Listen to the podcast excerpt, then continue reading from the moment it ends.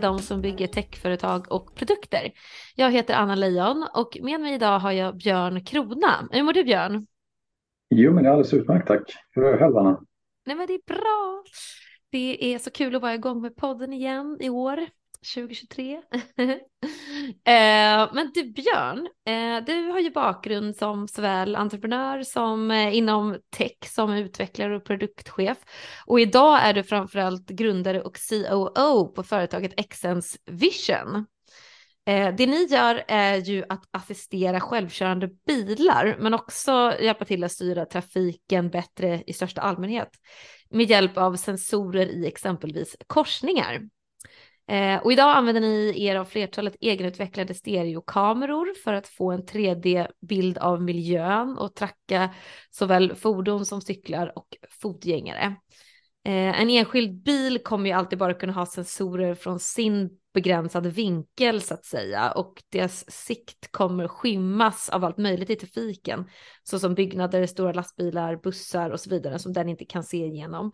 Men tack vare er teknik så kan den ju få en helhetsbild i de svårare trafiksituationerna och på så sätt göra trafiken säkrare för alla. Eh, och er vision och måltid som jag tolkade då är att ni vill snabba på automatiseringen av fordonsflottan samt göra den ännu säkrare helt enkelt. Eh, stämmer det här något sånär kring vad ni håller på med på Exens eller vill du lägga till någonting? Nej, men jag tycker att det stämmer alldeles utmärkt. Det är lite skälet till att vi startade var väl lite att vi såg en lucka i hur självkörande fordon angriper trafiken. Så att, eh, det är väl lite där vi känner att vi kommer in för att kunna möjliggöra självkörande fordon i alla sorters trafikmiljöer.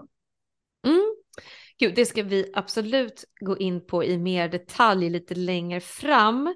Men som sig bör så tänker jag ju att vi eh, startar från början. Eh, och med din bakgrund, jag spanade lite på LinkedIn och jag har sett att du gått på Lidköpings universitet och utbildat dig till ingenjör och sådär.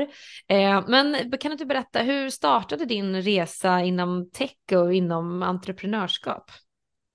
Mm, absolut. Eh, jag tror väl att kanske till skillnad från många andra som du intervjuar så eh, visst, jag har varit jätteteknikintresserad hela mitt liv, men jag tror kanske inte riktigt på samma sätt som många andra. Jag var nog mer inriktad på olika former av kreativa tillämpningar av teknik. Eh, under gymnasiet höll jag på mycket med bildbehandlingsprogram, Photoshop, Indesign, eh, på med filmredigering, den typen av eh, tillämpningar. Så det var väl mer där jag såg mig själv som en eh, ja, konsument och producent av eh, teknik och mycket inriktat mot eh, bildinriktat. Mm. Så att eh, den här riktiga kanske tech-kärleken som, som många andra har, den, den uppstod väl snarare kanske just när jag eh, pluggade vidare Eh, Eh, för att då läste jag en utbildning som heter civilingenjör i medieteknik.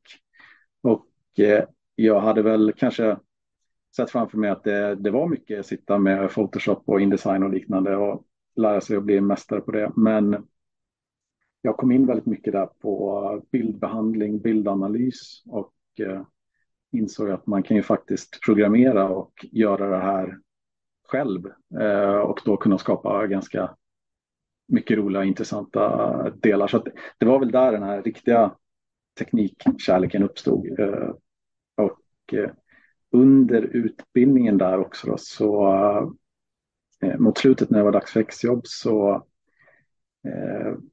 var jag ganska inriktad mot någonting som kallas för rastreringsteknik, egentligen den typen av teknik som används inom tryckerier och i skrivare och liknande att kunna återskapa en digital bild med ett fåtal antal färger som man kombinerar för att sen kunna få en hel fullskalig färgbild. Eh, där hade jag mycket tankar kring olika tillämpningar. Sen en vacker dag så såg jag en pärlplatta som var satt på en vägg någonstans och insåg att ah, men shit, det där med pärlplattor, det borde man ju faktiskt kunna göra, använda steningsteknik till och kunna få pärlplattor som ser ut som eh, fotografier eh, och började experimentera lite med det. Eh, och det slutade med att jag gjorde det som mitt exjobb och eh, tog egentligen fram en produkt som, eh, där man kan läsa in ett eh, fotografi, valfritt fotografi och få det som ett pärlplattemönster av valfri storlek beroende på hur pass mycket jobb man vill lägga på att eh, sätta dit alla pallarna på rätt plats. Men, men utifrån det så kan man då skapa sig ja, en pärlplatta som ser ut som ett foto helt enkelt. Gud, shit, det är så coolt. Gud vad nytänkande också. Um, ja, gud, var ska jag börja någonstans? Jag måste ju höra mer om det här, Foto, Pearls. Det låter som, ett, eh, låter som att du fick A på det exjobbet i alla fall. Skapa en helt ny produkt från, från ingenstans. Det är ju verkligen supercoolt. Eh, men vad, liksom, hur bygger man det rent eh, om man tänker på mjukvarusidan först och främst? Eh, ja, men på mjukvarusidan så handlar det mycket om att just ha den digitala bilden då, som, man, som man har som input och sen kunna eh, ersätta den då med ett fåtal antal färger och det där som ja, det som då heter rastreringsteknik kommer mm. in. Eh, tidigare så brukar man göra det oftast i antingen i en färgskala, en ja, gråskalebild där man egentligen bara svart och vitt och, och tillgå. Eller att man i, som i till exempel tryck då, att man använder sig av eh, cyan, magenta och gult. Eh, så att här istället då så hade man ett visst antal färger, eh, de, ja, egentligen de pärlfärgerna man har tillgå och får utifrån det då försöka skapa sig en så god bild som möjligt. Så det blev ganska mycket tekniskt i hur man kan optimera det här på bästa sätt utifrån den färgpaletten man har. Eh, och ja, men resultatet blev ganska bra. Framförallt så blev det någonting som eh, många tyckte var ganska roligt att hålla på med. Och det här var, det var nästan 20 år sedan som jag började med det nu. Och eh, ja, jag ser att det fortfarande finns kvar och i vissa butiker som man kan köpa det här. Och eh, beställa på nätet. Och framförallt väldigt kul att se att folk fortfarande lägger tid på att bygga pärlplattor som, som egentligen är, har skapats av den mjukvaran som jag gjorde en gång i tiden. Så det, var, det är riktigt kul att den fortfarande finns. Det hade jag aldrig förväntat mig att det skulle leva så länge. Ja men verkligen. Okej, jaha, så du, uh, så att jag fattar bara vad produkten är. Så du gör ju ingenting uh, i den fysiska verkligheten utan du förenklar bara fotografi, eller bara då, men du förenklar fotografiet till en motsvarande pärlplatta som man liksom lägger pärlorna själv efter, eller? Ja, precis, så att man får, mm. man får göra allt jobbet själv. och så sätta rätt pärla okay. på rätt plats. Man, man, man, får bara så att säga instruktionen vart, vilken pärla som ska ligga vart. Ja men det är ju nog så bra. men det påminner lite om så här eh, 8 eller 8-bit liksom Super Mario, alltså så här förenklad eh, grafik liksom. Som man typ hade ja. på 90-talet i liksom, tv-spel och så vidare. Ja, nej men absolut. Det, det gör det och där kan man ju få fram lite mer som fotografier. Det finns ju egentligen någonting liknande i också GIF-bilder och ja, det mm. som fortfarande idag då eh, används med GIF-animationer, små, små korta, ofta små roliga videoklipp som är omgjorda till en väldigt begränsad färgskala och Eh, det är kanske någonting jag borde satsat på att göra tekniken för, för GIF-bilder också, men för 20 år sedan så var jag helt övertygad om att GIF var redan sjöng på sista versen och inte skulle användas inom några få år och här är vi 20 år senare och fortfarande skickar GIF-animationer till varandra. Så att, ja, det är inte alltid så lätt att förutspå framtiden. Ja, men gud vad coolt. Du, du visste vad GIF var redan då liksom. ja, jag skulle det... säga att GIF, GIF var, var, dött redan för 20 år sedan, men den fortsätter leva. Men det är ungefär som så här att, artificiell intelligens, det liksom kommer i sjok. Eh, nu har vi precis haft någon hype och för 20 år sedan var det hypat eh, också liksom. Och så är det så här, det återkommer liksom. ja, nej, man brukar kunna hitta lite sådär roliga citat om AI och så tänker man ja men det där är någon som skrev nu och sen så inser man att nej det var skrivet på 50-talet. Så. ja exakt, exakt. Ja men precis, ja, men jag kan verkligen tänka mig att det, att det är så med, med GIF och det här också. Eh, så himla coolt, men om jag bara fattar, försöker förstå lite så, så här, du tar ju en bild som är såklart, eh, liksom har ju eh, otroligt många, vad ska man kalla det för, pixlar då egentligen. Och sen kan man säga att du liksom förenklar en liten, ja du delar väl in den i lika stora eh, bitar beroende på hur stor pärlplatta man vill ha. Och så förenklar du liksom färgen den gemen eller liksom den average färgen i den rutan till en pärla liksom. Skulle man kunna säga ja, så ungefär? Ja, men precis. Eh, och gör man exakt så så kan man ju få så att det ser ut ungefär som eh, originalbilden. Men problemet är att den där pärlfärgen kan vara ganska olik den färgen som du ville ha mm. svarande en speciell pixel. Så där handlar det lite om hur man kan kompensera då mellan olika färger. Att om man lägger eh, ja, ett visst antal färger nära varandra så blir det sammanlagt som en annan nyans. Eh, så det handlar mycket om hur, hur de här begränsade pärlfärgerna kan samverka med sina grannpärlor för att det mm. i sammanlagt ska kunna återskapa då det originalbilden så väl som möjligt. Ja, det är skitcoolt. Gud, eh, wow. Shit, jag är så imponerad av Photopearls. Men var det så att du liksom satte upp en hemsida och eh, möjliggjorde för folk att eh, köpa den här tjänsten online liksom redan då? Eller, och så lever den till ja, idag? Ja, det som jag gjorde var väl att jag kände att jag skulle kunna gjort det här som någonting helt eget. Men jag ville egentligen samarbeta med de som tillverkade pärlorna. Så att det första jag gjorde var att se vilka vilka företagare som finns inom eh, pärlplattebranschen.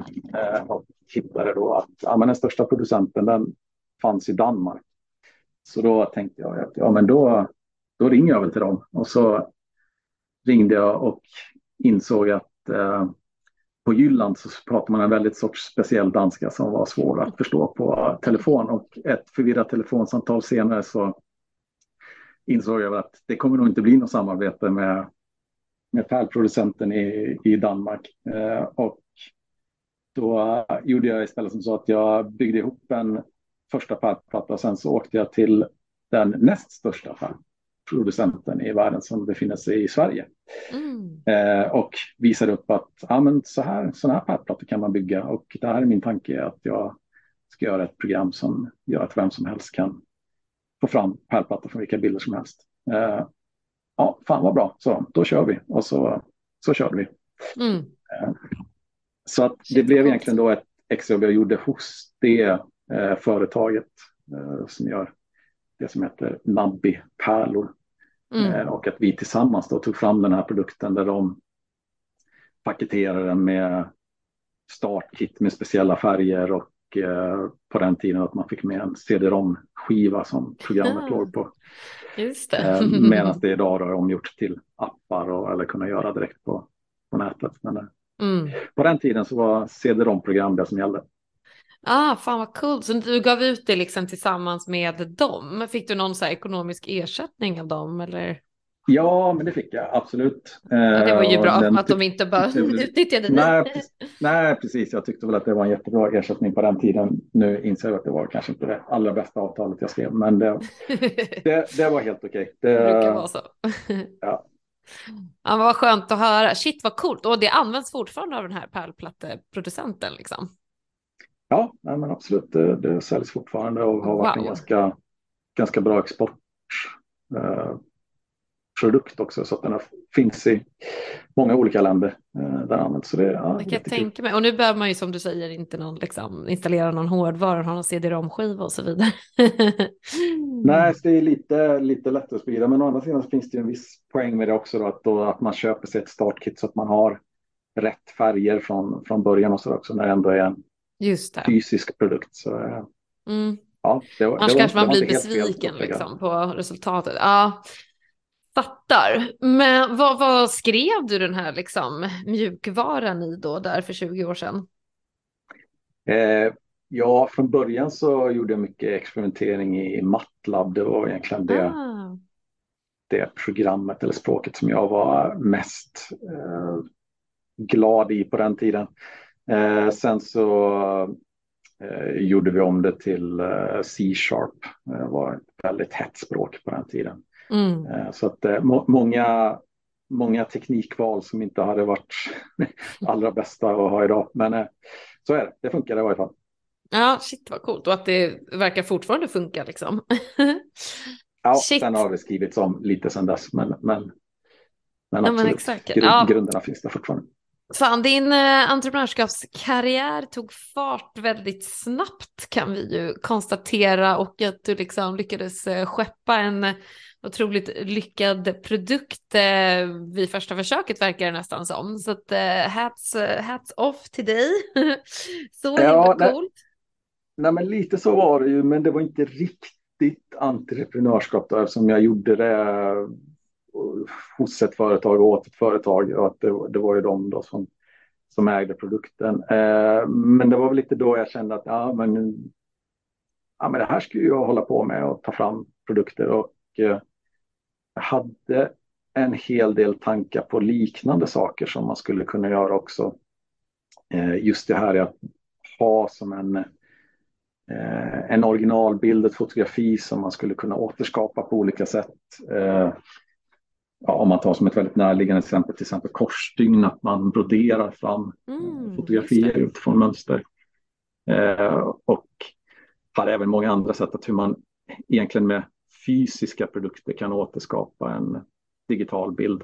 Uh, väldigt mycket som var inriktat mm. inom textil, hur man kan väva fram bilder i, i vävmaskiner och hur man kan sticka fram bilder och andra former av textila sätt att, att få fram uh, just fotografi, återskapande bilder. Just det. Så det tänkte jag att uh, om världen vill ha pärlplattor så kommer de ju vilja ha alla de här sakerna också. Eh, jag tänkte att det här kommer ju bli eh, supersuccé och eh, startade företag och slängde mig in i företagandet. Anmälde mig väl på någon Eh, extra kurs för att kunna plocka ut studiebidrag i ett halvår till.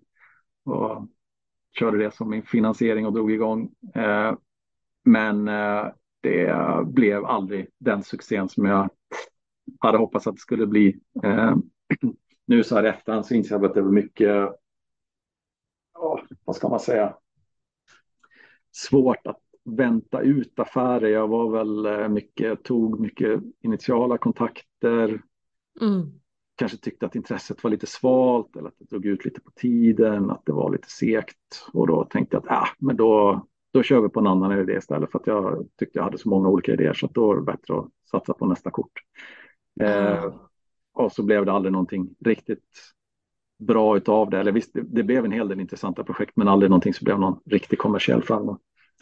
Eh, och, och, och, nu som lite mer eh, erfaren så inser jag att ja, men, det var ju ganska bra intresse som de där kunderna visade. Eh, det bara att det tar lite tid. Eh, så hade jag hade varit lite mer ihållig så hade det nog kanske kunnat bli något mer vettigt av det. Men eh, ja, efter något ungefär ett år så insåg jag att ah, jag, får nog, jag får nog börja en riktig karriär på ett vanligt jobb istället. Och kasta in handduken, nej, men eh, temporärt i alla fall. Liksom. Man måste ju försörja sig också. ja, nej men precis. Oh. Och eh, ja, någonting som jag har insett nu också när, när jag eh, kört igång företag igen är att nu är vi ett riktigt starkt team och det mm. hade ju underlättat oerhört på den tiden också.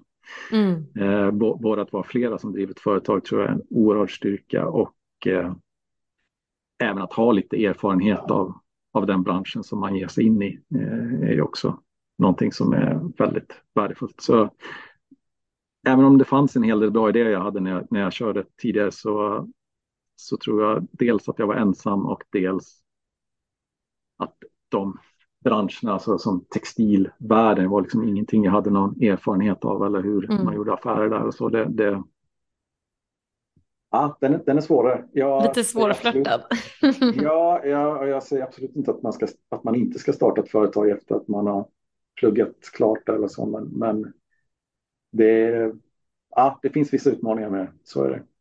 Ja, men jag håller med, det är så himla roligt det där, eller det är väldigt så här eh, relativt vad man liksom, när man känner av, man börjar med att känna av intresset liksom och försöker mäta det på något sätt och ta tempen på marknaden och så vidare liksom med sin nya idé eller produkt och så tycker man att liksom mottagandet var svalt, precis som du säger, men det kommer ju typ alltid vara svalt liksom. Man måste, man måste typ trycka på ändå. Eh, sen kan man ju inte trycka på om det är totalt dött liksom gensvar kanske, men det finns ju någon form av balansgång där. Det är väldigt svårt att veta som, som ny exa kanske, ny entreprenör, att liksom förstå att precis som du sa att så här, det där gensvaret kanske var rätt bra egentligen. Man måste ju sen... sälja sig fördärvad liksom ute på entreprenörskapsfältet. ja, och sen finns det också den tvärtom-delen av det hela. Jag misstänker att du, nu har inte jag lyssnat på alla dina poddavsnitt, men jag misstänker att du någon gång har tagit upp boken Demand Test med, med någon av dem du har intervjuat. Ja, men det tror jag inte. Okej, okay, ja, ja, då får jag passa på att rekommendera den boken av Demand Test för alla som vill eh, börja sälja eh, produkter så är den eh, ovärderlig. Mm. Eh, och där handlar det egentligen om att det ofta kan vara tvärtom, just att du får ett jättebra bra respons och bra bemötande från en kund som säger att ja, men det här är, det låter jättespännande. Men att de i själva verket är eh, ointresserade av att köpa din produkt eller de kan tycka att det är lite spännande men de har inte mm. mandatet att köpa den och de, det är alltid lättare att säga att någonting är, ja men det låter intressant och ja, men berätta lite mer när man egentligen då inte är särskilt intresserad av det. Så där handlar det om att hitta de rätta svåra frågorna att ställa för att förstå om den här personen verkligen är intresserad av, av det du försöker sälja och veta om den har verkligen mandat för att kunna köpa av det eller om du ska prata med någon annan. Så den, ja, demandtest är någonting jag verkligen rekommenderar. Och där, där själva ordet, och, eh, titeln demandtest, det handlar ju om att när du säljer in någonting till din mamma så kommer hon alltid att vara positiv till det du har att säga. Att det, det gäller att om du lyckas få din mamma att säga nej till, eh, till ditt förslag, då har du så att säga lyckats. Så att det man egentligen ska sträva efter är att få ett nej från sin kund hela tiden. Att på snabbast möjliga sätt komma fram till att den inte ville köpa av dig.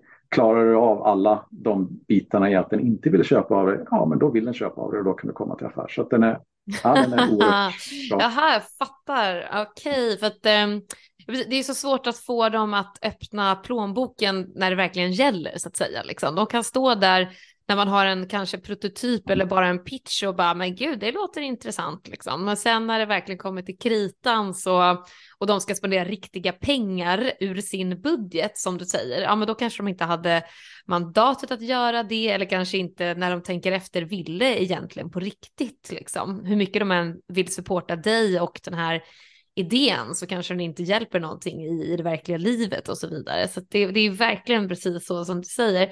Och det är intressant det där med att de säger att, att du ska få ett nej. Men menar de då att, eh, eller, eller hur menar de liksom att du ska få ett nej från din mamma? ja, men det handlar ju om att om, om du har en dålig idé så är det viktigt att du Jaha, mm. förstår det så fort som möjligt eller att du, du kommer fram till till ett nej. För att nej, ett nej från en kund är väldigt mycket mer effektivt om, om du får det direkt än att du jobbar ett halvår tills du kommer fram till att nej, men de skulle ju inte köpa av mig ändå. Ja, men exakt. Eh, då, då, då har du sluppit slösa det halvåret. Och om du trots dina försök att få ett nej inte får ett nej, ja men då har du till slut kommit fram till en affär. Mm. Och då har du på ett ganska effektivt sätt tagit emot affären. Exakt, ja, men det är så här fail quickly liksom. Uh... Ja, nej, men precis, nej, nej, men lite så. Och det handlar liksom mycket om att det är, inte bara ens mamma som vill säga att man har bra saker, utan det, det är lite som ett sådär allmänmänskligt beteende. Att det, det är ganska mm. få som vågar säga till någon att nej, men jag tycker det där var dåligt, jag vill inte ha det. eh, och det insåg jag bara på mig själv att, att senast idag så satt jag i ett eh, videomöte med en eh, accelerator som var intresserad av att ta in oss som, som företag. Och jag kände ju direkt att ah, men det här är helt fel för oss. Det, det, är, det är ointressant och det är fel för oss som företag. Mm. Men jag klarar inte av att sitta och säga det till dem att nej, vi tycker att ni är en dålig accelerator som inte passar oss. Utan det blir lite mer att man sitter och okay, ja, men det här kan vara intressant och ja, men skicka lite mer information så ska jag titta på de länkarna sen. Fast mm. man egentligen redan har bestämt sig för att nej, men vi kommer inte gå vidare med det här. Mm. Eh, och ja, det är så alla ens kunder sitter också. Det är det där man ska försöka då så, snabbt, så snabbt som möjligt ta sig igenom för att just komma fram till, ah, var det en riktig kund eller kommer inte bli en riktig kund i slutändan. Ja, men jag fattar. Det är lite så att man, man vill ju vara trevlig liksom. Ja, precis. Men man är det, trevlig det är... till punkten att det är liksom nästan så här osportsligt. Eller så här, oh, ja men det är inte schysst liksom. Nej, men samtidigt så ligger det ju på något sätt så, ja, så inpräntat i en som människa att man ska vara snäll och trevlig mot varandra. Ja. Så då, då är det svårt att säga nej tidigt. Exakt, ja men det där är så sant. Eh, men det skulle ju vara så mycket bättre som du säger att bara få sanningen liksom. Eh, ja, Mm, gud, det där kan jag prata om hur länge som helst. Eh, nu har vi derailat lite, men låt oss eh, komma tillbaka till din eh, entreprenörskapsresa. Du, har, eh, du är nyexad från Lidköpings universitet. Du eh, gjorde ett exjobb som var framgångsrikt och sen testade du på att ta det steget vidare kan man säga i egen regi. Eh, la ner det efter något år där och du kanske började jobba då på riktigt så att säga. Liksom. Eh, vad hände sen? Vad, vad gör du? Vad sysslar du med? Ja, jag eh, har väl egentligen tre stycken olika jobb innan jag börjar min entreprenörsresa eh, igen. Här har jag testat lite olika saker. Dels så eftersom jag var nära textilindustrin eh, eh, tidigare då under mitt, min entreprenörskapsförsök så slutade det med att jag började jobba på det som idag heter SVP Group som är eh, bland annat Husqvarnas symaskiner men även Faf och Singer symaskiner. Eh, där jag jobbar mycket med utveckling av nya produkter, nya idéer, hur man kan få ja, dels då symaskiner att sy, brodera fram eh, mönster som är likt fotografier. Eh, även titta på hur man kan automatisera symaskiner med hjälp av kameror och liknande och titta på ja, olika nya former av tekniker på någonting som heter konceptutveckling eh, som var mycket som uppfinnarverkstad eh, som passade mig alldeles utmärkt. Gud, det låter jättekul.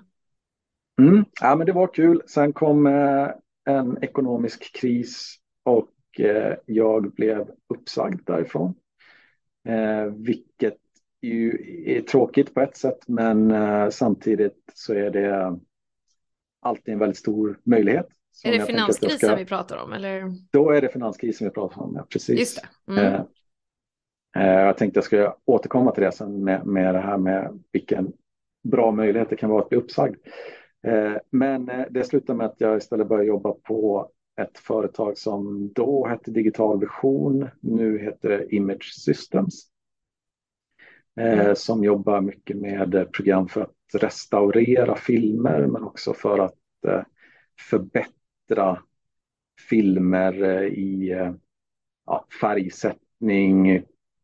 Ja, helt enkelt kunna, det, det, som kallas för color grading med en teknisk term, att, att få, få det att se mer levande ut eller ja, skapa en viss effekt i filmer. Eh, hur man kan få det gröna att bli grönare och mm. den typen av delar skapa eh, mer eller mindre skärpa i olika delar av scenen. Så att eh, när man har spelat in en film att man kan i postproduktionen då få den att se ännu lite bättre ut. Eh, som ett filter eller? Ja, lite som ett filter men som man aktivt, eh, som, som det sitter, sitter en person och så att säga jobbar med aktivt i många månader för att eh, förbättra en, eh, ja, oftast en Hollywoodproduktion eller någon, någon mer high-end tv-produktion. Och mm. lyfta Coolt. de här sista detaljerna. I. Ja, men det var, det var jättekul. Eh, också där framförallt när man kunde, ja, med lite där som jag sa med, med när jag höll på med pärlplattan, att kunna se hur människor jobbar med, med det man själv har tagit fram och lägger tid på det. På samma sätt så var det kul att se att ja, men, eh, de här nya filterna som jag tagit fram nu, de eh, används ju i den här nya Hollywoodfilmen som kommer ut nu i nästa vecka. Alltså, var... coolt! Ja, nej, men det var, det var riktigt kul att, att ha den kan man säga, anknytningen till, till verkligheten. Mm. Eh, så där jobbar jag i några år eh, innan jag eh, inser att jag ska nog tillbringa resten av mitt liv i Jönköping Eh, och skaffa familj. Eh, med min blivande fru då eh, insåg vi att det var bättre för oss att bo i Jönköping så då flyttade vi hit i slutet av 2011. Och jag började jobba på ett företag som heter Catch Trafficom.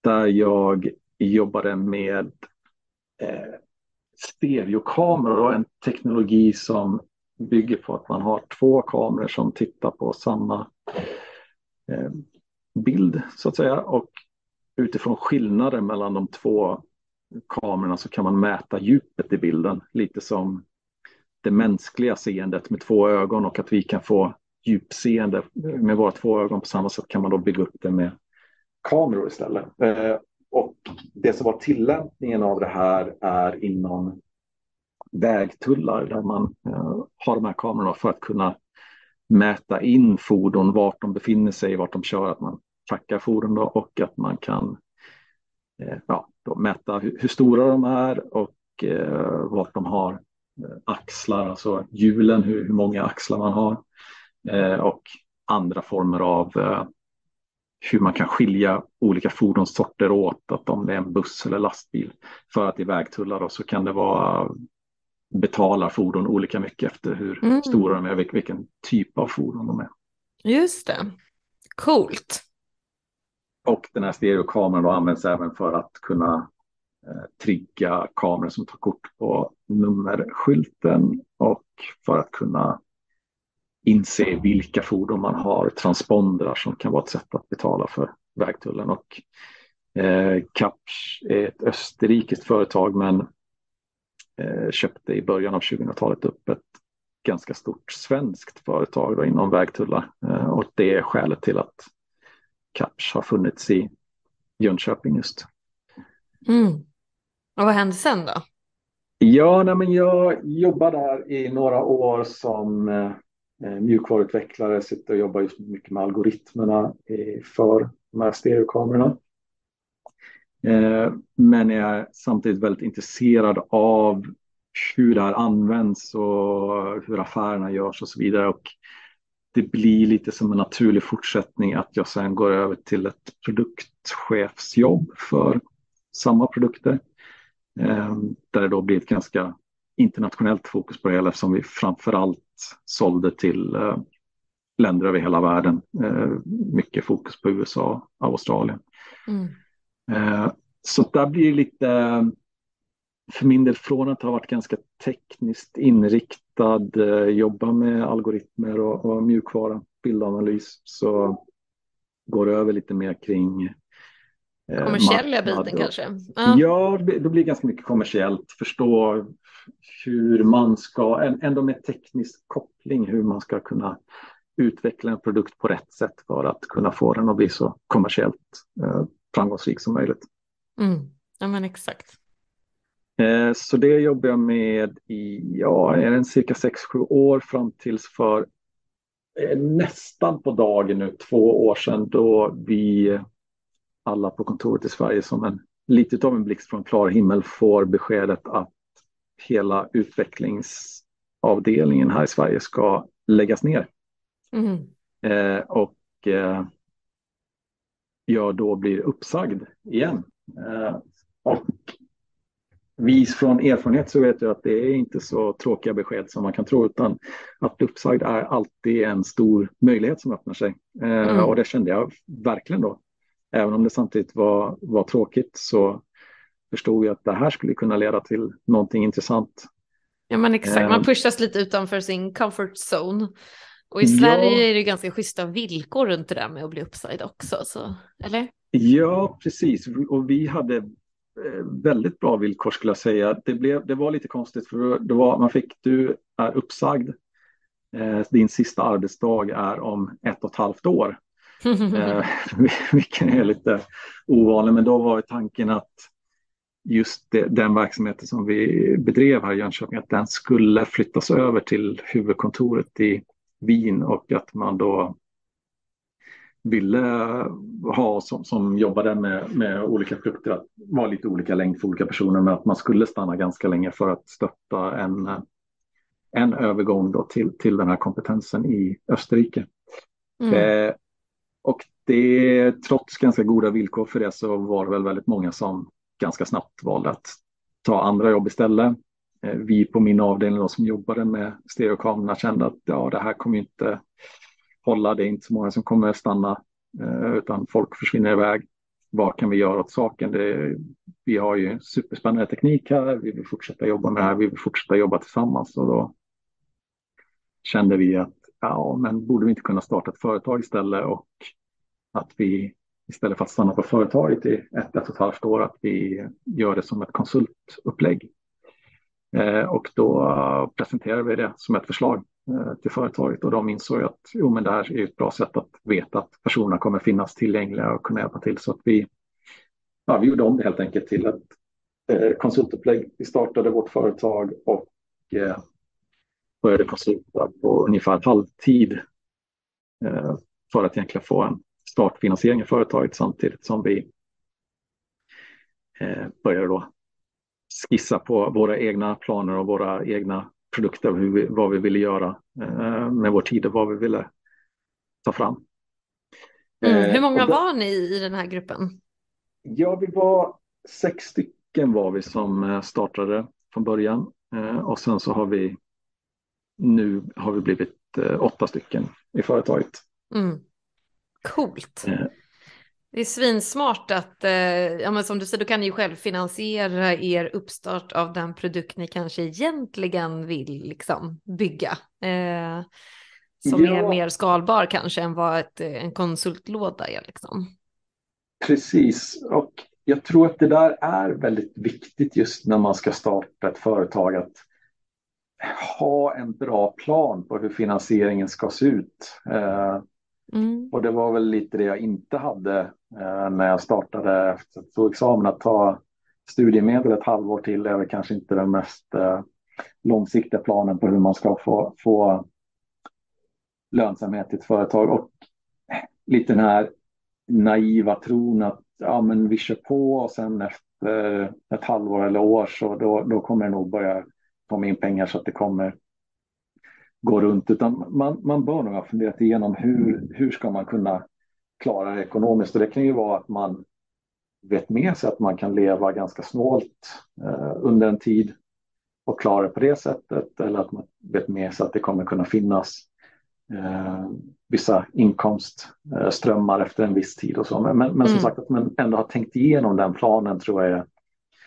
väldigt viktigt. Eh, och någonting som man kan Eh, såklart göra är ju att ta in eh, riskkapital, att, att använda sig av affärsänglar eller eh, mer större VC-fonder och så. Men det är lätt där tror jag att underskatta hur pass etablerade de vill ha företagen de jobbar med.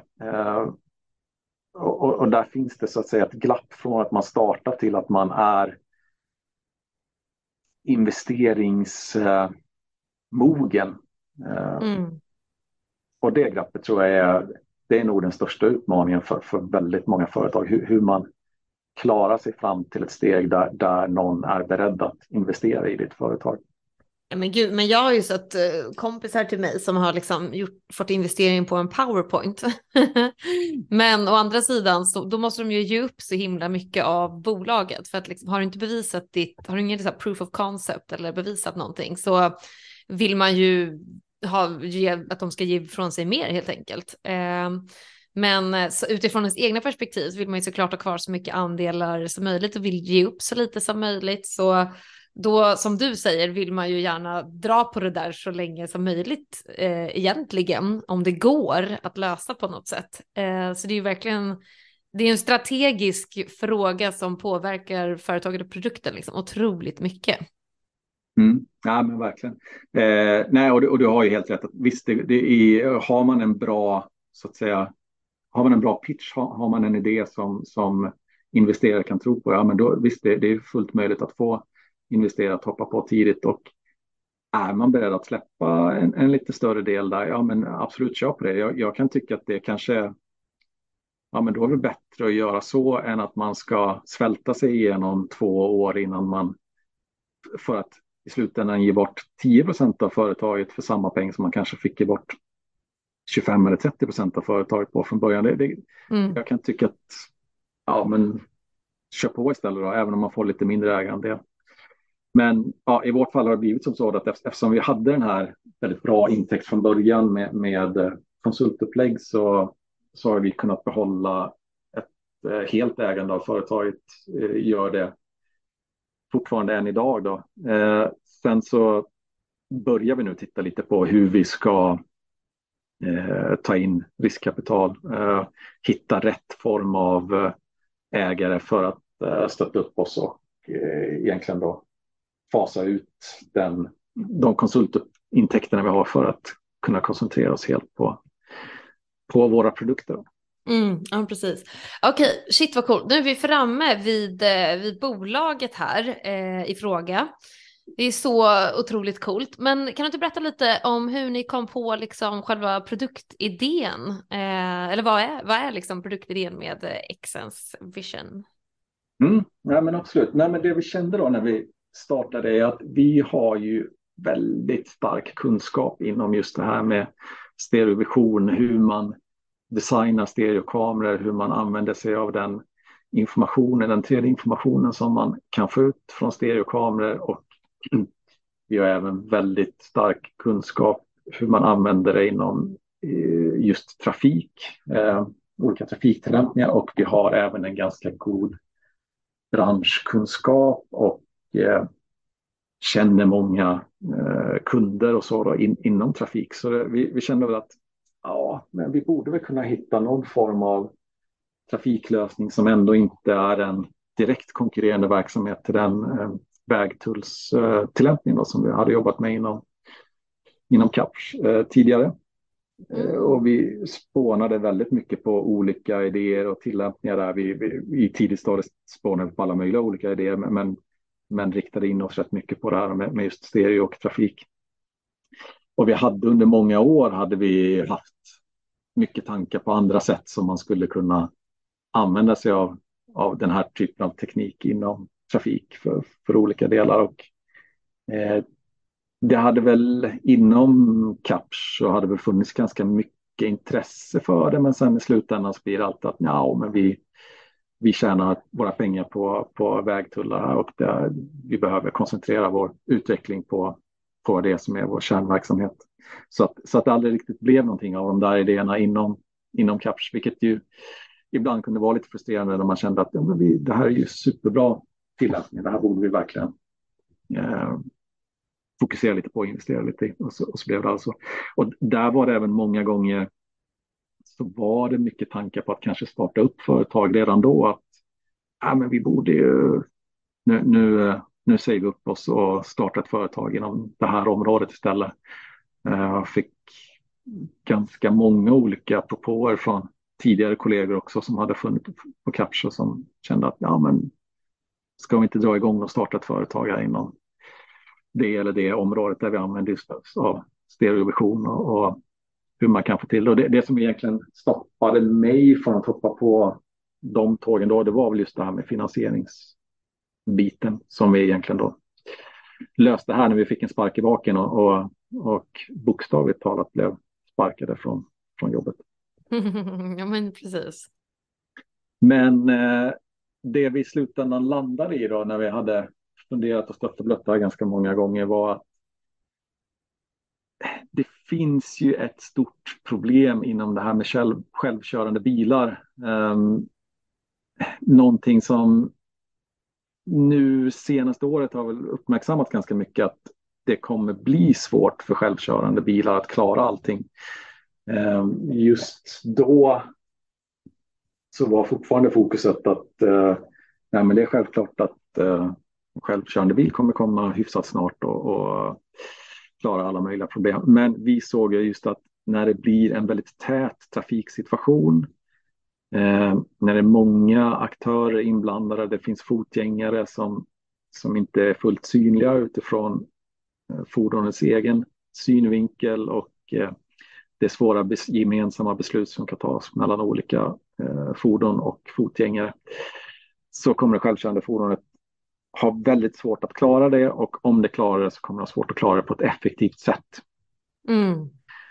och där kände vi att om vi då istället kan ha sensorer som sitter i infrastrukturen i en korsning eller på ett annat just sånt komplicerat trafikmässigt ställe så skulle vi kunna kommunicera informationen med, med den självkörande bilen. Eh, att helt enkelt förlänga bilens eget synfält eh, och kunna visa vad som finns gömt bakom en buss eller en skåpbil eller en husvägg eller någonting annat då som blockerar eh, synen för det här självkörande fordonet eller dess sensorer. Så det, det, var vår tanke att genom att sätta sensorer fast i eh, infrastrukturen så skulle det självkörande fordonet få en helt annan möjlighet att kunna fatta korrekta beslut i körandet. Så det kan ju till exempel vara att när det självkörande fordonet upptäcker en fotgängare i dagsläget så upptäcker den plötsligt en fotgängare, den blir osäker, vet inte vad som händer med den, bromsar snabbt, eh, skapar en farlig situation för bilen bakom. Eh, fast, men är då istället säker med fotgängaren. Men om vi har rapporterat den här fotgängaren till bilen långt innan så vet bilen att snart kommer jag se en fotgängare, den rör sig i den här hastigheten, i den här riktningen eh, och vet mycket den behöver anpassa sin egen hastighet för att undvika farliga situationer med fotgängaren och mm på ett mjukt sätt kunna bromsa för att inte bilen bakom ska krocka in i den. Men shit vad coolt. Men hur eh, funkar det här rent praktiskt? Alltså trafik, ni måste sätta upp kameror i korsningar som Trafikverket kanske liksom äger eller förvaltar i varje fall och sen så måste ni skicka data via liksom molnet eh, till alla Teslor och eh, andra självkörande bilar där, bilar där ute via någon eh, liksom standardiserad eh, API. Jag har ingen aning liksom. Eh, hur, hur, hur funkar hela liksom eh, tecken bakom så att säga? Ja, nej, men du är inne på helt eh, rätt frågor och det är väldigt många eh, ganska stora eh, olika frågeställningar och problem som du tar upp där. Om man börjar då med, med rent Eh, kundmässigt, eh, som, som du säger, Trafikverket, det, det kan definitivt eh, vara en tänkbar kund. Eh, mer inne i städer så är det oftast eh, staden själv eller då kommunen, eh, trafikkontoret på kommunen som är ansvarig för trafiksituationen där. Och vi ser väl att det är egentligen det som kommer vara vår främsta slutkund Eh, sen om det är vi som gör affären med, med, staden direkt eller om, om vi säljer till ett större företag som, som gör en mer övergripande trafiklösning till, till en stad. Det får vi väl fortfarande se hur det kommer definieras. Men det vi tror är att det är staden som kommer förstå hur mycket trafiknytta som eh, man kan få med den här typen av sensorer och vilja då förbättra trafikflödet i eh, olika korsningar som skapar eh, trafikproblem eh, och på det sättet då vara var kunden som köper det här utav oss. Eh, om jag sen eh, går vidare på din nästa fråga där med, med hur man kommunicerar med fordonen så det är också någonting där det finns flera olika konkurrerande tekniker idag innan det som kallas för V2X som då ska stå för Vehicle to Everything. Eh, och handlar då om hur fordon ska kommunicera med varandra, hur fordon ska kommunicera med infrastruktur, hur fordon ska kommunicera med molnbaserade lösningar och annat. Eh, och där finns det då ja, olika standarder och eh, teknikval om man har en dedikerad utrustning som sitter nära fordonen som skickar information direkt till fordonen eller om man använder sig mer av eh, wifi-meddelanden eller om man använder sig av eh, LTE, 5G, eh, den typen av mobilkommunikation. Så mm. där försöker vi väl egentligen att vara, inte ta så mycket ställning i den frågan utan mer vara öppen för att det kan lösas på lite olika sätt och så låter vi de som vill slåss det kriget får, får slåss det och så säger vi att vi kan kommunicera på många olika sätt med fordonet. Eh, och så får väl... Eh, vi kan jacka in som, liksom. ja, de som vinner det standardkriget sen är, är de vi kommer jobba med helt enkelt med, med den teknologin. Så, så där, där, vill vi inte vara för eh, bestämda i, i dagsläget. Då. Eh, sen så just det här hur man då kommunicerar med alla Teslor och alla andra sorters fordon. Eh, det är också en standard som absolut inte finns idag. Eh, och det är där vi lägger mycket av vår tid just nu i samarbeten med många olika företag inom fordonsbranschen att just titta på hur kan de ta del av den datan vi skickar på effektivast sätt? Vad är det för slags eh, information som verkligen hjälper dem? På vilket sätt kan de ta del av det här och så att säga fusa vår sensorinformation med den sensorinformationen som de kan få fram i sina fordon? Eh, så, så det är där vi lägger mycket krut just nu är att just titta på, på de delarna och tillsammans egentligen då komma fram till hur ska morgondagens standarder se ut inom det här området för att det ska kunna bli på ett så effektivt sätt som möjligt och att det inte blir just ett sätt att lösa det med en Mercedes och ett sätt ja, med en eh, Hyundai och så utan att det alltid sker på samma sätt. Jag kan verkligen tänka mig att alla de har liksom uh, pysslat lite på varsin kammare och inte riktigt uh, synkat sig liksom.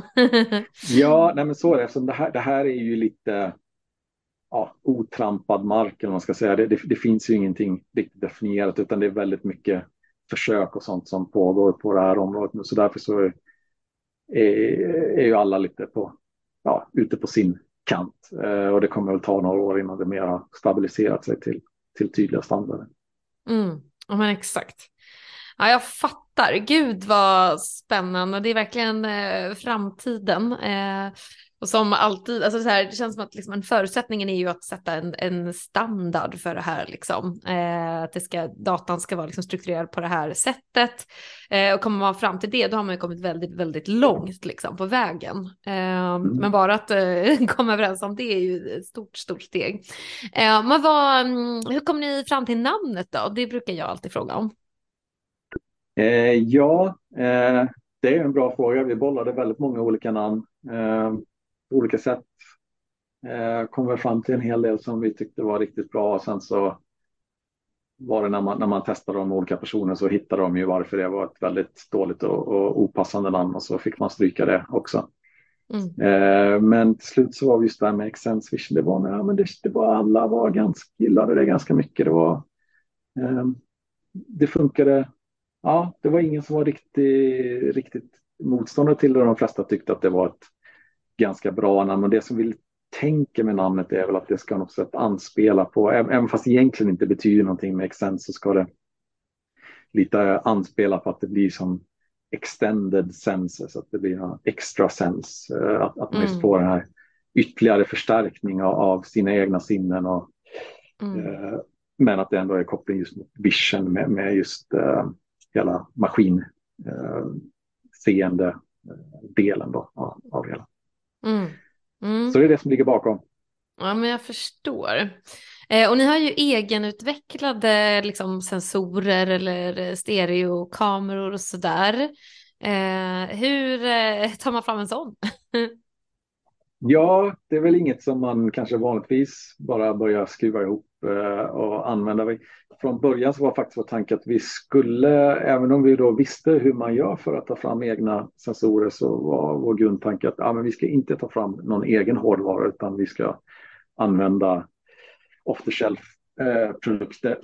Mm. Eh, men vi testade ju väldigt mycket olika och kunde inte hitta någonting som var riktigt bra eller som, som funkade på det sättet som vi ville att det skulle funka. Och det var alltid någon form av begränsning som vi inte riktigt kunde leva med för, för våra tillämpningar. Så efter ett tag så insåg jag att nej, vi måste faktiskt bygga det här själva. Sen, sen så handlar det om att i att bygga en stereokamera då, så är det inte ska man säga, elektronikutveckling av, av den allra mest avancerade sorten. Utan det handlar mycket om att sätta ihop komponenter som finns att tillgå. Ja, jag fattar. Alltså, bygga en egen dator liksom. Ja, precis. Så det handlar om att hur, hur man ska pussla ihop kameror och, och elektronik och mm. olika former av hårdvara eh, på ett eh, effektivt sätt och i, i, en bra mekanisk förpackning så att säga. Eh, så, mm. så att det, det, är det vi gör när vi tar fram våra egna sensorer. Så, så det, det, är inte riktigt rocket science på det sättet, men, men ändå någonting som man måste ha ganska mycket domänkunskap för att kunna förstå hur, hur man gör det på ett effektivt sätt. Ja men verkligen, och optimerat för ett eh, use case liksom.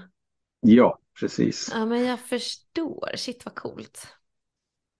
Eh, Okej, okay. och eh, uh, intäktsmodell, vi var och nosade på lite, lite, lite grann vilka det är som eh, skulle kunna köpa in det här och så där och har ni tänkt på någon prismodell eller liksom hur, var står ni i de tankebanorna? Mm, nej men vi ser väl att när en stad kommer fram då till, eller som vi hoppas kommer fram till insikten att ja, men vi behöver ett sånt här sorts system för att förbättra vår trafiksituation. Det kommer ta ganska många år innan vi är där, för det bygger på att det är en relativt hög andel självkörande fordon som, som faktiskt kör i staden eller i, i den aktuella korsningen. Mm. Eh, och där tror jag att vi är ganska många år eh, bort ifrån.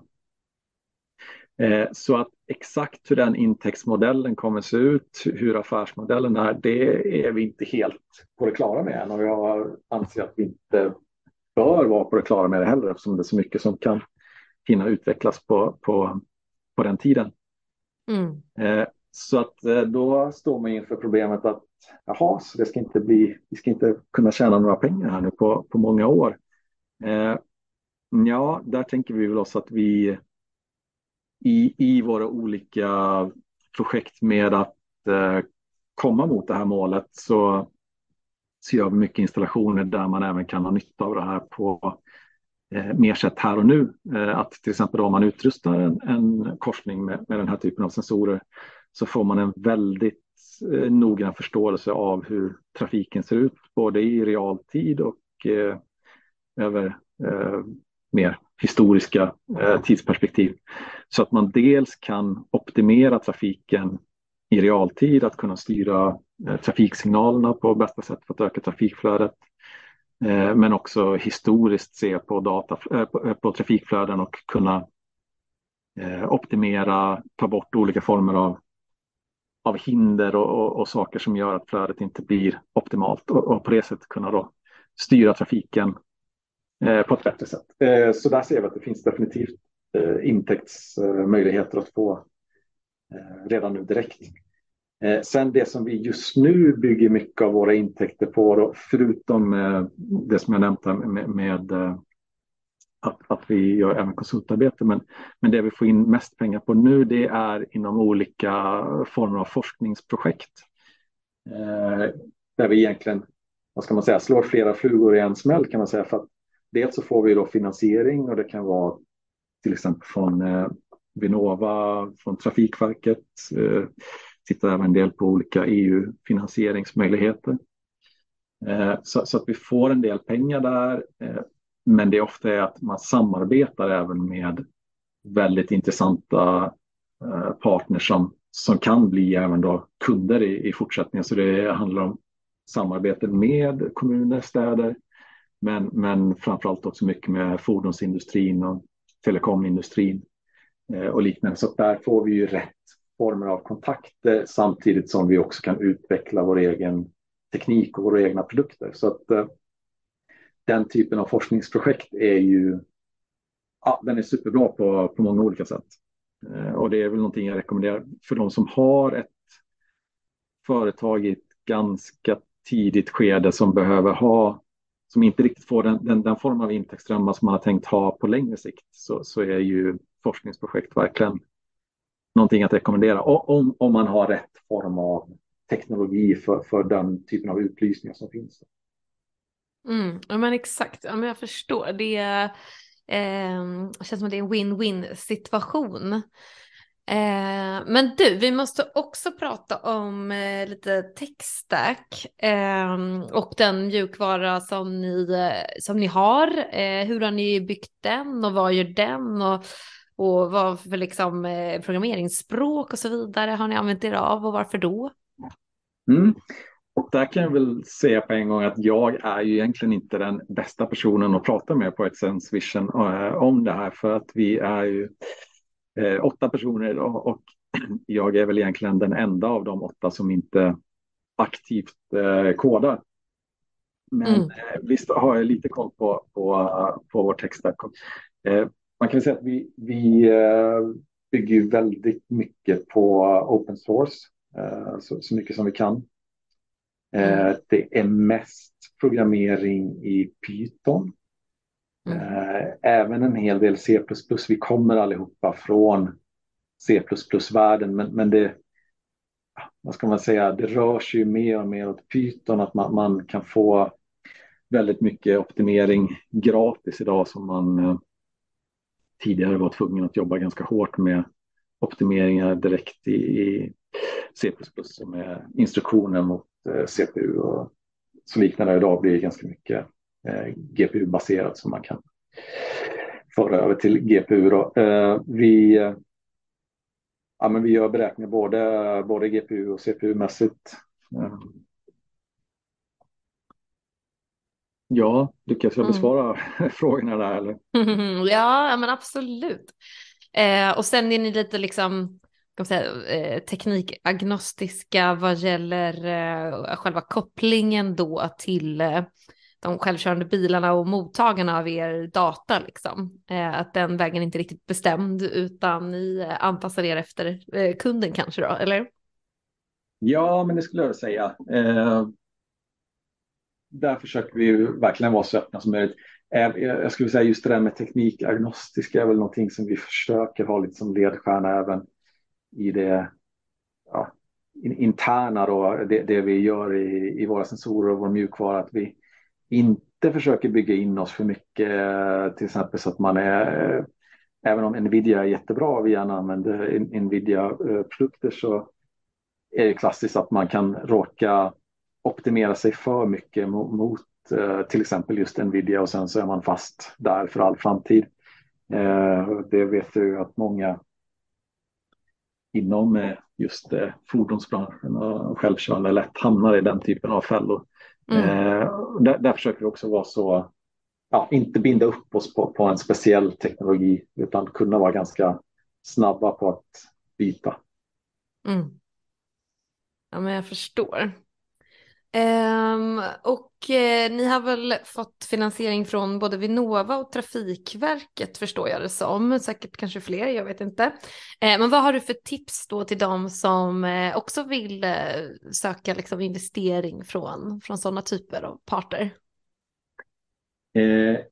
ja, jag skulle säga att framförallt titta på vilka former av utlysningar som finns mycket då från Vinnova. Sen kan det ju vara från, från specifika andra myndigheter också, då, som till exempel i vårt fall Trafikverket. Men, men, ofta går ju väldigt mycket utlysningar via eh, Vinnova. Det, också, det finns ju oerhört mycket via EU. Eh, vi har inte riktigt kommit in på den biten än. Vi börjar väl titta där.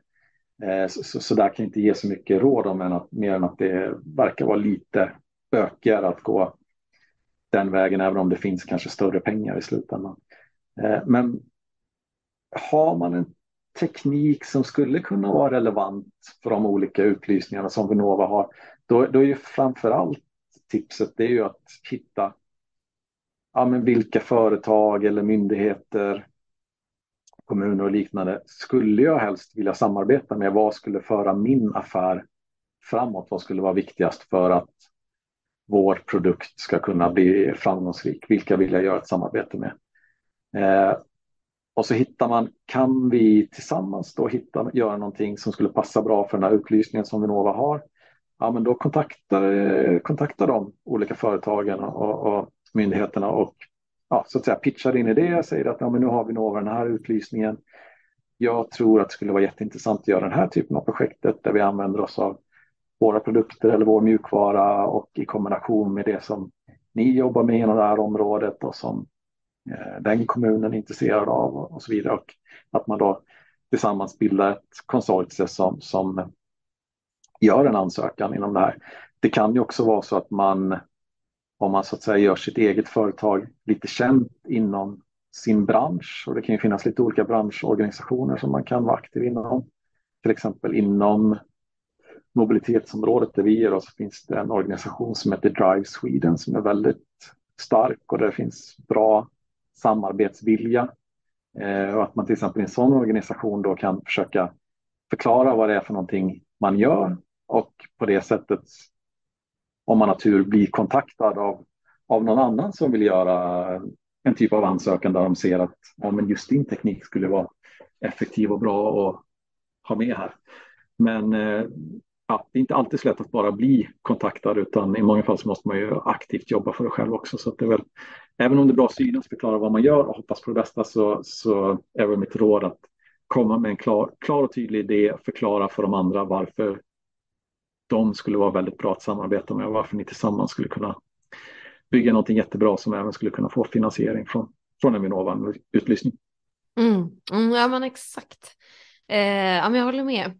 Eh, sen pratade vi lite grann också liksom hur din bild av eh, företagandet eh, har förändrats genom din karriär. Så kan du inte förklara det lite grann och hur det skiljer sig från hur du tänkte där från början?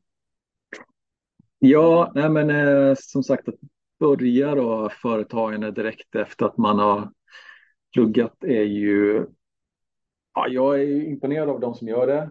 Eh, jag försökte själv, men jag tror man ska vara lite ödmjuk inför att det inte är helt lätt. Eh, man har inte den branschkunskapen som kanske krävs och man har heller inte så mycket erfarenhet av hur affärer görs. Så att, eh, är man i, i det skedet då direkt efter man har pluggat så visst, man, man har inte lika mycket, man har kanske en annan ekonomisk möjlighet, man, man är van att leva snålt, man har inte skaffat sig så dyra vanor än, så då, det är ett utmärkt tillfälle att börja göra, eh, testa på att starta företag. Men, men då skulle jag definitivt rekommendera att vara fler när ni gör det och ta med någon som har lite mer eh, branscherfarenhet eh, när det görs. Och det, och det, är väl så jag känner verkligen nu att ja, men den här gången så, eh, så hamnade det nog rätt för att nu, nu var vi rätt team direkt från början. Vi, vi kände varandra väl, vi hade jobbat tillsammans länge. Vi visste ja, hur, hur man kan samarbeta på ett effektivt sätt. Jag tror att det, det hör man i varje fall om att det är ett ganska vanligt vanlig fallgrop för många företag att man sätter ihop ett team som inte har jobbat tidigare och så börjar det gnissla lite och sen så kör man i diket för att man, ja, man, man, man visste inte riktigt hur man skulle samarbeta på rätt sätt från början. Allt sånt har vi så att säga redan gått igenom redan innan vi startade företaget så därför har vi fått en flygande start på det sättet och kan, eh, ja, kan verkligen jobba tillsammans bra. Eh, och just det här att man kompletterar varandra. Det är väldigt svårt att driva ett företag själv och vara bra på allting. På all teknik som behövs och på affärsutveckling, på att eh, prata med kunderna och ja, göra alla delar som behövs. Det, det, är en utmaning och där rekommenderar jag också jättestarkt att man är att man är ett team som kan komplettera varandra för att klara alla bitar. Och sen visst, man behöver inte klara alla bitar. Eh, det är lite som i vårt fall. Vi, vi täcker upp mycket, men vi är även eh, med i en inkubator eh, som hjälper oss med många av de delarna som vi som vi kanske själva inte är så starka på och där de coachar oss i, i, i hur vi på bästa sätt kan Eh, ja, minska de gapen och, och klara även de bitarna. Så, så, så det rekommenderar jag väl också mycket att man, man tar hjälp där man kan få den och en inkubator är verkligen till för att stödja och hjälpa företagen. Sen vet jag att det inte alltid är helt lätt att bli antagen till en inkubator. Eh, men, men det, det tycker jag alltid kan vara bra, bra att försöka med i alla fall. Och de är ju alltid intresserade av att diskutera med företag och med dig som har företagsidéer. Så det, det, det tycker jag, ta, ta kontakt med din lokala inkubator. Mm. Ja men grymt, super. Shit, tiden bara springer iväg. Um, vi har snackat uh, supermycket, jag har lärt mig jättemycket om det här, stereo vision som jag inte kunde någonting alls om innan. uh, så himla coolt. Men du, uh, vill du också dela med dig av några så här mm, kriser, misstag eller lärdomar och tips liksom till, till oss som också vill bygga egna techprodukter och företag? Eh, ja, jag, jag tror eh, just när det gäller kriser så har vi på Accent så har vi än så länge i varje fall lyckats undvika dem. Jag tror väldigt mycket i det har varit just att vi känner varandra så väl sedan innan och inte bara jag utan eh, även en del av de andra som, som, eh, som är med i Exens har haft företag innan och, och, där har vi alla gjort misstag och lärt oss ganska mycket utifrån det. Så att eh det kanske det kanske är det som kan vara ett tips att det, det är ofta som man behöver göra några misstag och kanske misslyckas med några företag innan man blir eh, tillräckligt erfaren för att verkligen få till det i ett eh, försök två eller försök tre. Mm. Ja men exakt, verkligen. Och jag tror Coolt. att man ska vara ödmjuk för att misslyckas eh, och ödmjuk för att det kan ge nya möjligheter. Och, och även det som jag nämnde där med, med, att bli uppsagd, att det kan vara en väldig möjlighet också. Så att eh, ja, ja men att se, se potential där man kanske vanligtvis fokuserar på problemen istället, det, det är väl ett tips. Mm, jag förstår. Verkligen. Ja, men det är så coolt att höra om er som ju liksom eh, självfinansierar er via consulting då till följd av uppsägningen. Eh, väldigt spännande liksom, twist på det hela. och man, alltså man kan nästan säga att jag gör samma sak fast i liten skala. För jag frilansar ju i egen låda liksom, och tar mig an uppdrag och sådär inom techproduktutveckling och sen bygga egna techprodukter eh, själv liksom, vid sidan av eh, som finansierar dem tills att de kanske drar in så mycket att jag slipper ta uppdrag. Så det är liksom, vi sitter lite i samma låda, eller vad säger man, i samma båt. eh, så det är mm. också ett tips kanske till lyssnarna, liksom, att eh, ja. man kan självfinansiera sin entreprenörskapsresa på, på det här sättet. Ja, precis. Och då måste jag fråga, vad är det som har hindrat dig då från att köra den här PowerPoint-presentationen och ta in fett riskkapital direkt från början här och satsa stenhårt på din idé? Um, alltså de har inte varit, eh, alltså jag gillar ju idéer som uh, passar att självfinansieras och de är inte riktiga riskkapital uh, anpassade idéer skulle jag säga liksom. Det är som i ett av våra företag nu som heter Flowby. Där är det mer så här, uh, vi har kapital liksom. Vi har bara inte rätt kanske kontakter eller rätt know-how på hur vi ska skala det liksom. Eh, och sådär. Så då letar vi mer efter advisors kanske än just liksom investerare. Men sen är vi ju inte, stänger ju inte dörren för om någon vill både bli advisor och investerare, men vi är liksom inte desperata i första hand efter den där pengapåsen liksom, utan vi vill verkligen eh, få det att flyga själv med små medel liksom.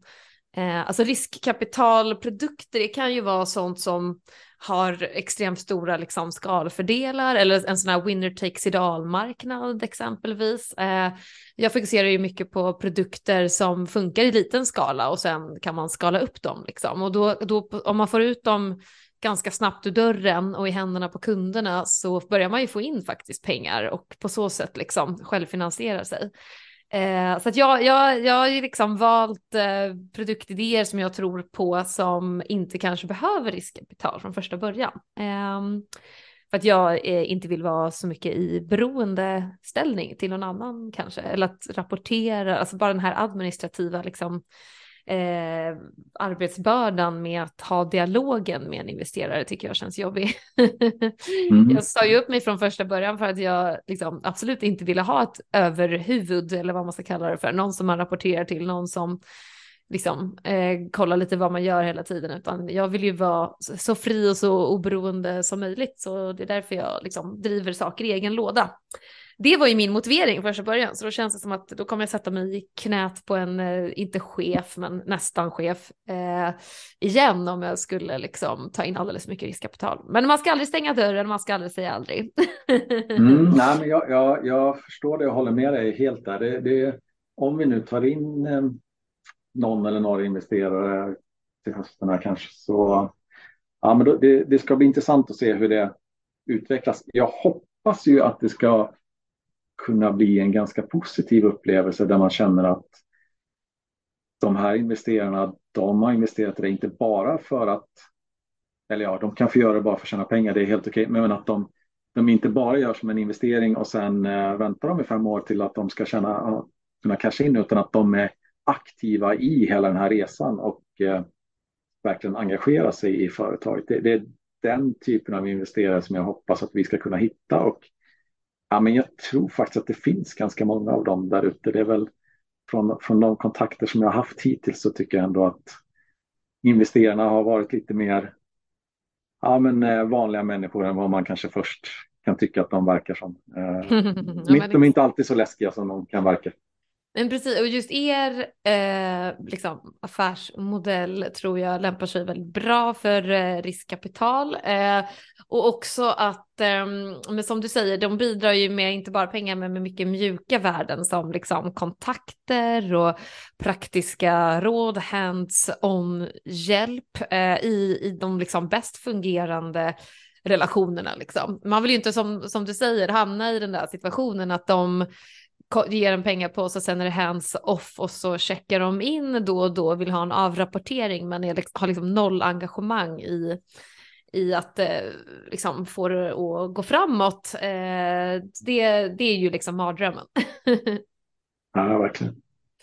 Eh, ja men shit vad coolt. Ja, men lite olika syn eh, och tankar kring de här bitarna liksom. Eh, det är så roligt, det är så här, vad, i en entreprenörskapsresa, liksom, man, vad kommer först? Liksom? Vissa drivs ju av att de bara, bara vill starta bolag eh, och inte ens vet vad de ska göra i bolag, de vill bara starta bolag. Vissa vill lösa ett problem, eh, vissa vill liksom få social, socialt erkännande. Alltså man kan vara liksom otroligt driven av olika eh, typer av eh, mål. Eh, men jag har ju alltid haft det här oberoendet som, som högsta liksom, eh, primära liksom, måltavla dit, eh, dit jag vill komma. Att man liksom, jag vet inte, det, det är någonting som lockar så otroligt mycket där för mig. Eh, så känner jag i alla fall. Eh, men du, du, gud vad vi babblar på här. Eh, shit vad coolt, men eh, vi börjar runda av lite grann. Vi, oj, oj, oj, tiden bara springer iväg. Eh, men vad har, vad har du ni liksom för så här features och eh, framtida vision liksom? Var är ni om så här fem år och vad har ni för coola eh, tekniklösningar på plats då? Vad löser ni liksom för problem? Ja, men om fem år så hoppas jag att vi har börjat få till ganska många helt kommersiella installationer. Eh, det kanske inte kommer att vara jättestor utrullning eh, än, för jag tror att fortfarande om fem år så kommer det nog vara ändå begränsat med mängden självkörande fordon, men, men att det ändå är en hel del städer som, som börjar se eh, den problematiken som vi tror kan, kan, kan bli när det blir väldigt mycket självkörande fordon, där det kommer vara många bilar som kör tomma, de inte kör på ett så effektivt sätt och den totala trafikmängden kommer att öka ganska dramatiskt. Och då, då kommer man behöva antingen vår eh, typ av lösning eller liknande former av lösningar för att effektivisera trafiken på, på de värsta ställena. Då. Och därför så också att ja, men redan om fem år då, då borde vi kunna ha ganska många installationer ute, många olika städer som visar på att det här faktiskt förbättrar, att man kan klara sig med dagens vägnät även fast trafikbelastningen i sig ökar. Och att vi helt enkelt kan använda den infrastruktur som finns på ett mer effektivt sätt när de självkörande fordonen gör att trafikvolymerna ökar. Mm. Ja, ja, men jag fattar. Shit vad coolt. Eh, det ser vi fram emot. Vi, eh, jag kommer följa er och lyssnarna eh, med. Och eh, det har varit så otroligt spännande att få höra mer om dig och, och om er och eh, även pärltavlorna där i början. Så himla coolt verkligen. Så imponerad av det ni gör och att nu liksom banar vägen för eh, säkrare och även genomförandet rent konkret av eh, automatiseringen av fordonsflottan. Det är också otroligt eh, spännande såklart. Ehm, min sista fråga är om du vet någon annan textskapare som du tycker att jag borde intervjua härnäst? Ja, men jag, jag har faktiskt ett förslag som jag skulle tycka var väldigt eh, kul. Men det kanske, kanske inte helt går enligt eh, de eh, ramarna du brukar ha. Men eh, du får väl testa det, se om det är något som kan, kan passa dig. Det är nämligen en kille som heter Emil Falk som driver ett företag som heter Window Glass Recycling Sweden. Eh, och jag var på Slush här nu i november i Helsingfors eh, tillsammans med honom och även ett gäng andra företag från Jönköpingsregionen. Eh, var en organisation som heter B Global som sponsrade oss som hade lite äh, internationella ambitioner eh, och till startupfestivalen Slush då, i Helsingfors. Och den här killen då, Emil, han gjorde ju ett otroligt starkt intryck på mig. Han är bara 19 år, kommer direkt från gymnasiet, har drivit ett UF-företag där som har tittat på hur man kan återvinna fönsterglas. Mm. Ett problem som man eh, inte trodde fanns riktigt. Men eh, all, alla fönsterglas slängs tydligen bara. Eh, och då har de hittat ett sätt att eh, kunna återvinna det här glaset, vilket ger enorma miljövinster. Och det UF-företaget vann både SM och EM i ungt företagande och sen nu efter att han tog studenten så valde han att satsa på det här helhjärtat. Går ju helt emot mina rekommendationer att jobba några innan man startar. Men eh, han är en riktigt inspirerande person och eh, kommer från Gnosjö med eh, har fått Gnosjö-andan med modersmjölken där och, och ja, kör väldigt spännande approach till, till hur man driver företag. Så mm. Kanske inte super high tech, inte så mycket mjukvara, men, men annars väldigt spännande och en väldigt spännande person. Så det, det hade varit kul om du kunde intervjua honom. Ja, men gud, superbra tips, verkligen. Eh, gud vad spännande. Det, alltså, alltså det, det är ändå extremt eh, högteknologiskt låter det ju som. Eh, och bara det är lite tech med så är det ju en techskapare. mm. Så det ska jag absolut spana in. Tack så hemskt mycket för det tipset. Eh, och tack för att du och ni ville vara med. Det har varit så otroligt intressant att få, att få höra hela er story och vi jag får passa på att önska er all lycka framöver eh, och jag vill se era sensorer i varenda korsning sen. mm, jag får önska dig stort lycka till också då med alla dina spännande produktidéer och se om du, du slutar med en investerare i slutändan ändå. Vi får se. Exakt. uh, ja men grymt. Tack så mycket för idag. Mm, stort tack Anna.